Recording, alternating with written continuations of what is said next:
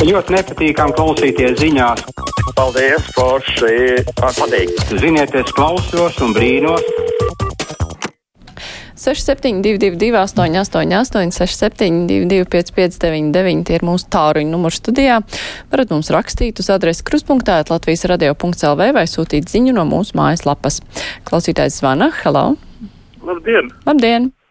Nu jau trešo gadu televīzijas kanālā Viesot History rāda filmu, kurā Mosa Daģens Antons Kunsle stāsta, kā viņš noslapkavojas Herberta cukuru. Un atslēgas figūra šajā visā stāstā ir kāds sirds vīrs Saša Smirnovs, kurš apgalvo, ka viņš 41. gadā dzīvojis Rīgā. Pie viņa atnāca Herberts Cukurs, viņa vecākus aizsūtījis uz geto, bet viņu atstāja dzīvu. Viņš spēlēja Herbertam Cukuram katru vakaru klavierus.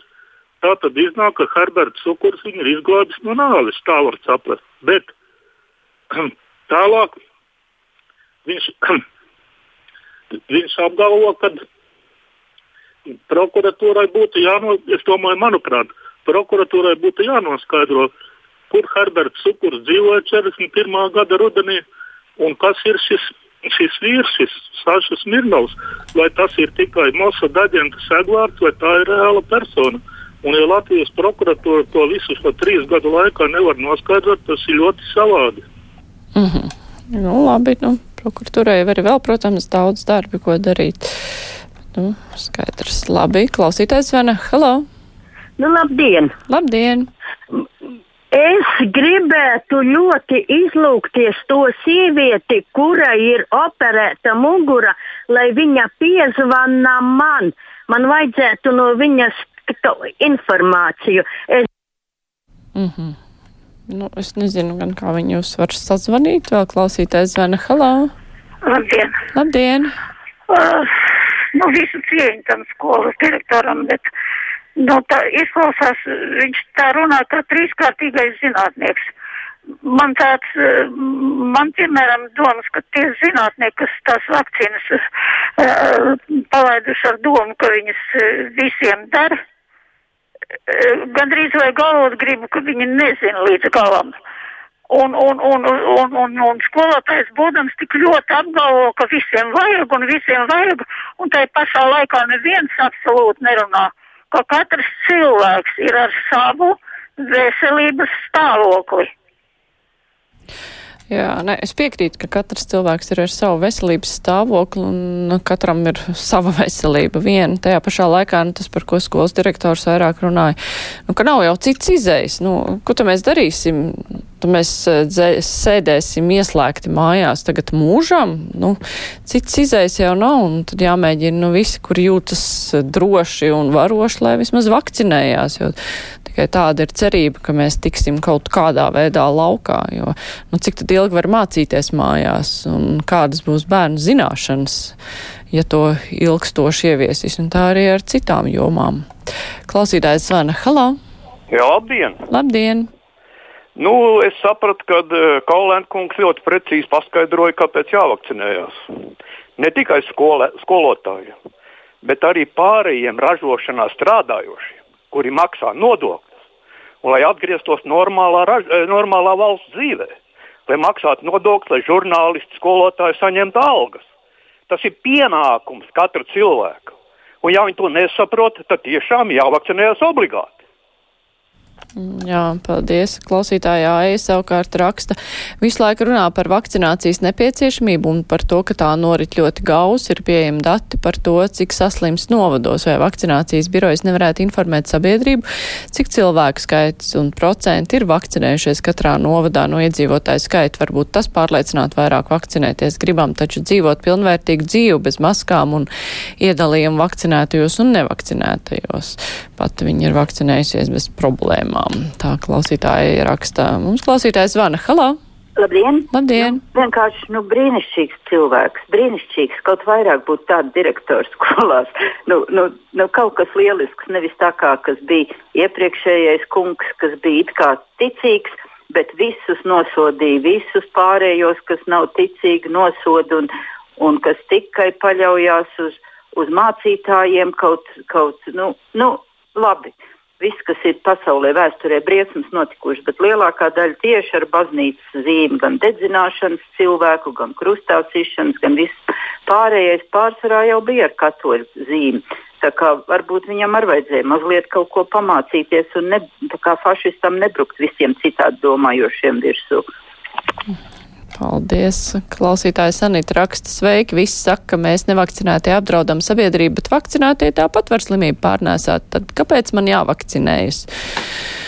Jāvakcinējas, tāpēc, ka vakcinētie cilvēki neslimo tik smagi, un pirmkārt viņi arī mazāk pārnēsā, nav tik liela iespēja. Un kāpēc vajadzēja visu slēgt ciet, tāpēc, ka slimnīcas nevar uh, normāli strādāt, ja ir pārāk daudz covid pacienti. Tā ir ļoti būtiska lieta, jo, protams, ka varētu teikt, nu, tad, lai nevakcinētajiem, tad viss ir uz viņu pašu pašu sirdsapziņas, respektīvi paši grib riskēt, lai nevakcinējas, bet, eh, diemžēl, veselības aprūpas sistēma tad tiks noslogot tāpat, un tā ir ļoti būtiska sastāvdaļa, un tāpēc, nu, nevar riskēt ar eh, cilvēku dzīvībām ah, kuri var pēc tam, kā jau mēs redzējām, arī mirt no citām kaitēm, kuras nevar pilnvērtīgi ārstēt Covid dēļ.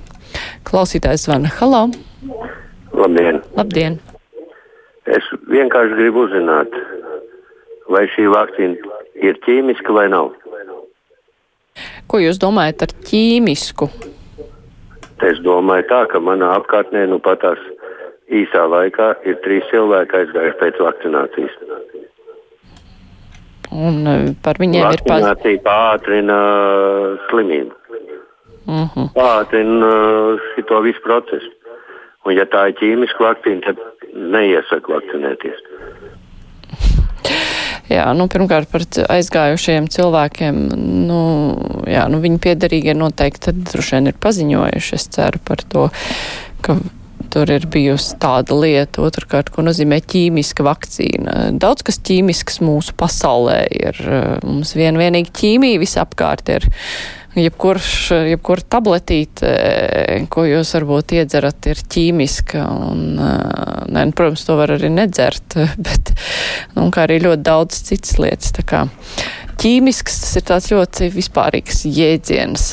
Klausītājs Artūrs raksta patiesībā brīnos, kāpēc tieši skolotāji ir tā sabiedrības daļa, kas izdalās ar tik lielu stulbumu, varbūt ārpus savu priekšmetu arī izglītību viņiem ir pašvaki.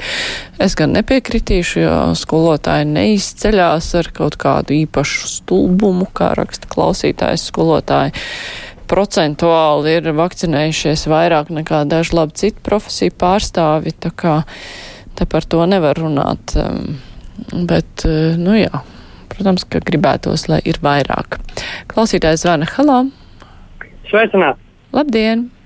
Mūsu valstī uzņemts ir kurs par zaļo un par ekoloģiju. Bet pie kā tas novedīs? Tas novedīs pie bāda. Jo atcerieties, ka šogad notiek ar kartupeļiem. Kolorādo vabols dominē. Bet uh, inde, kura var Kolorādo vabols piespiest pie zemes, ir aizliegtā. Un tā arī citur. Tātad vai nu mums ir jāaiziet uz pilnīgi zaļo ekonomiju, uz zaļo uh, ražošanu un ar stipri samazinātām ražām un stipri palielinātām cenām, jeb arī mums jālieto tomēr viss tas, ko zinātnē piedāvā, un jācīnās ar citiem līdzekļiem. Tātad vai nu badināšana, vai lēna nomiršana no ķīmijas. Mm -hmm. Paldies par viedokli. Klausītājs vaicā, gribētu uz, uzdot jautājumu tiem, kuri saka, ka nevakcinēsies, jo negrib sabojāt veselību. Tad jau jūs arī nesmēķējat un nelietojat alkoholu un veselīgi ēdat. Nu, droši vien, ka kāds arī gan nesmēķē, gan nelieto alkoholu, gan veselīgi ēd no tiem, kas negrib vakcinēties. Es domāju, ka gadījumi ir ļoti dažādi.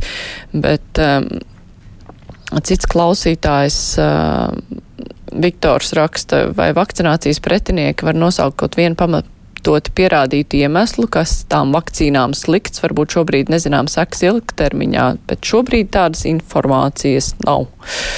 Nu, par jā, daudzas lietas ilgtermiņā parāda visādas brīnums, bet uh, gaidīt 50 gadus, lai zinātu, kas ir noticis ar cilvēkiem, kuri testēja šo vakcīnu, arī laikam negribētos, jo ļoti daudz nevarētu sagaidīt šādu testa rezultātus.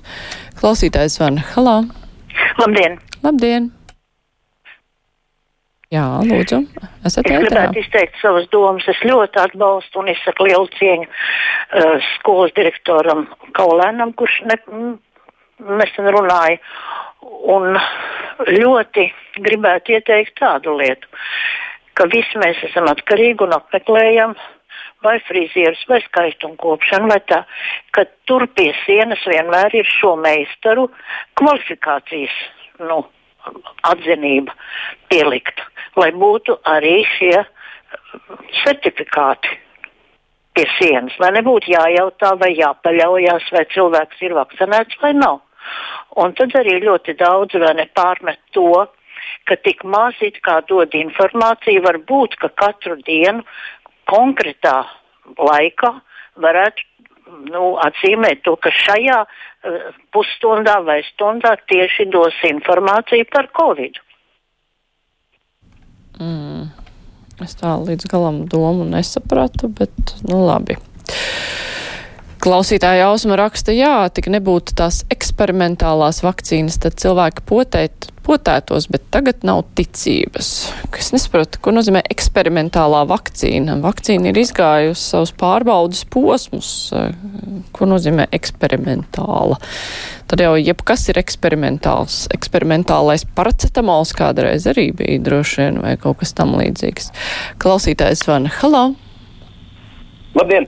Labdien! Vai saimā un valdībā visi ir vakcinējušies? Vajadzētu būt tā kā. Viņus jau vakcinēja pirmos.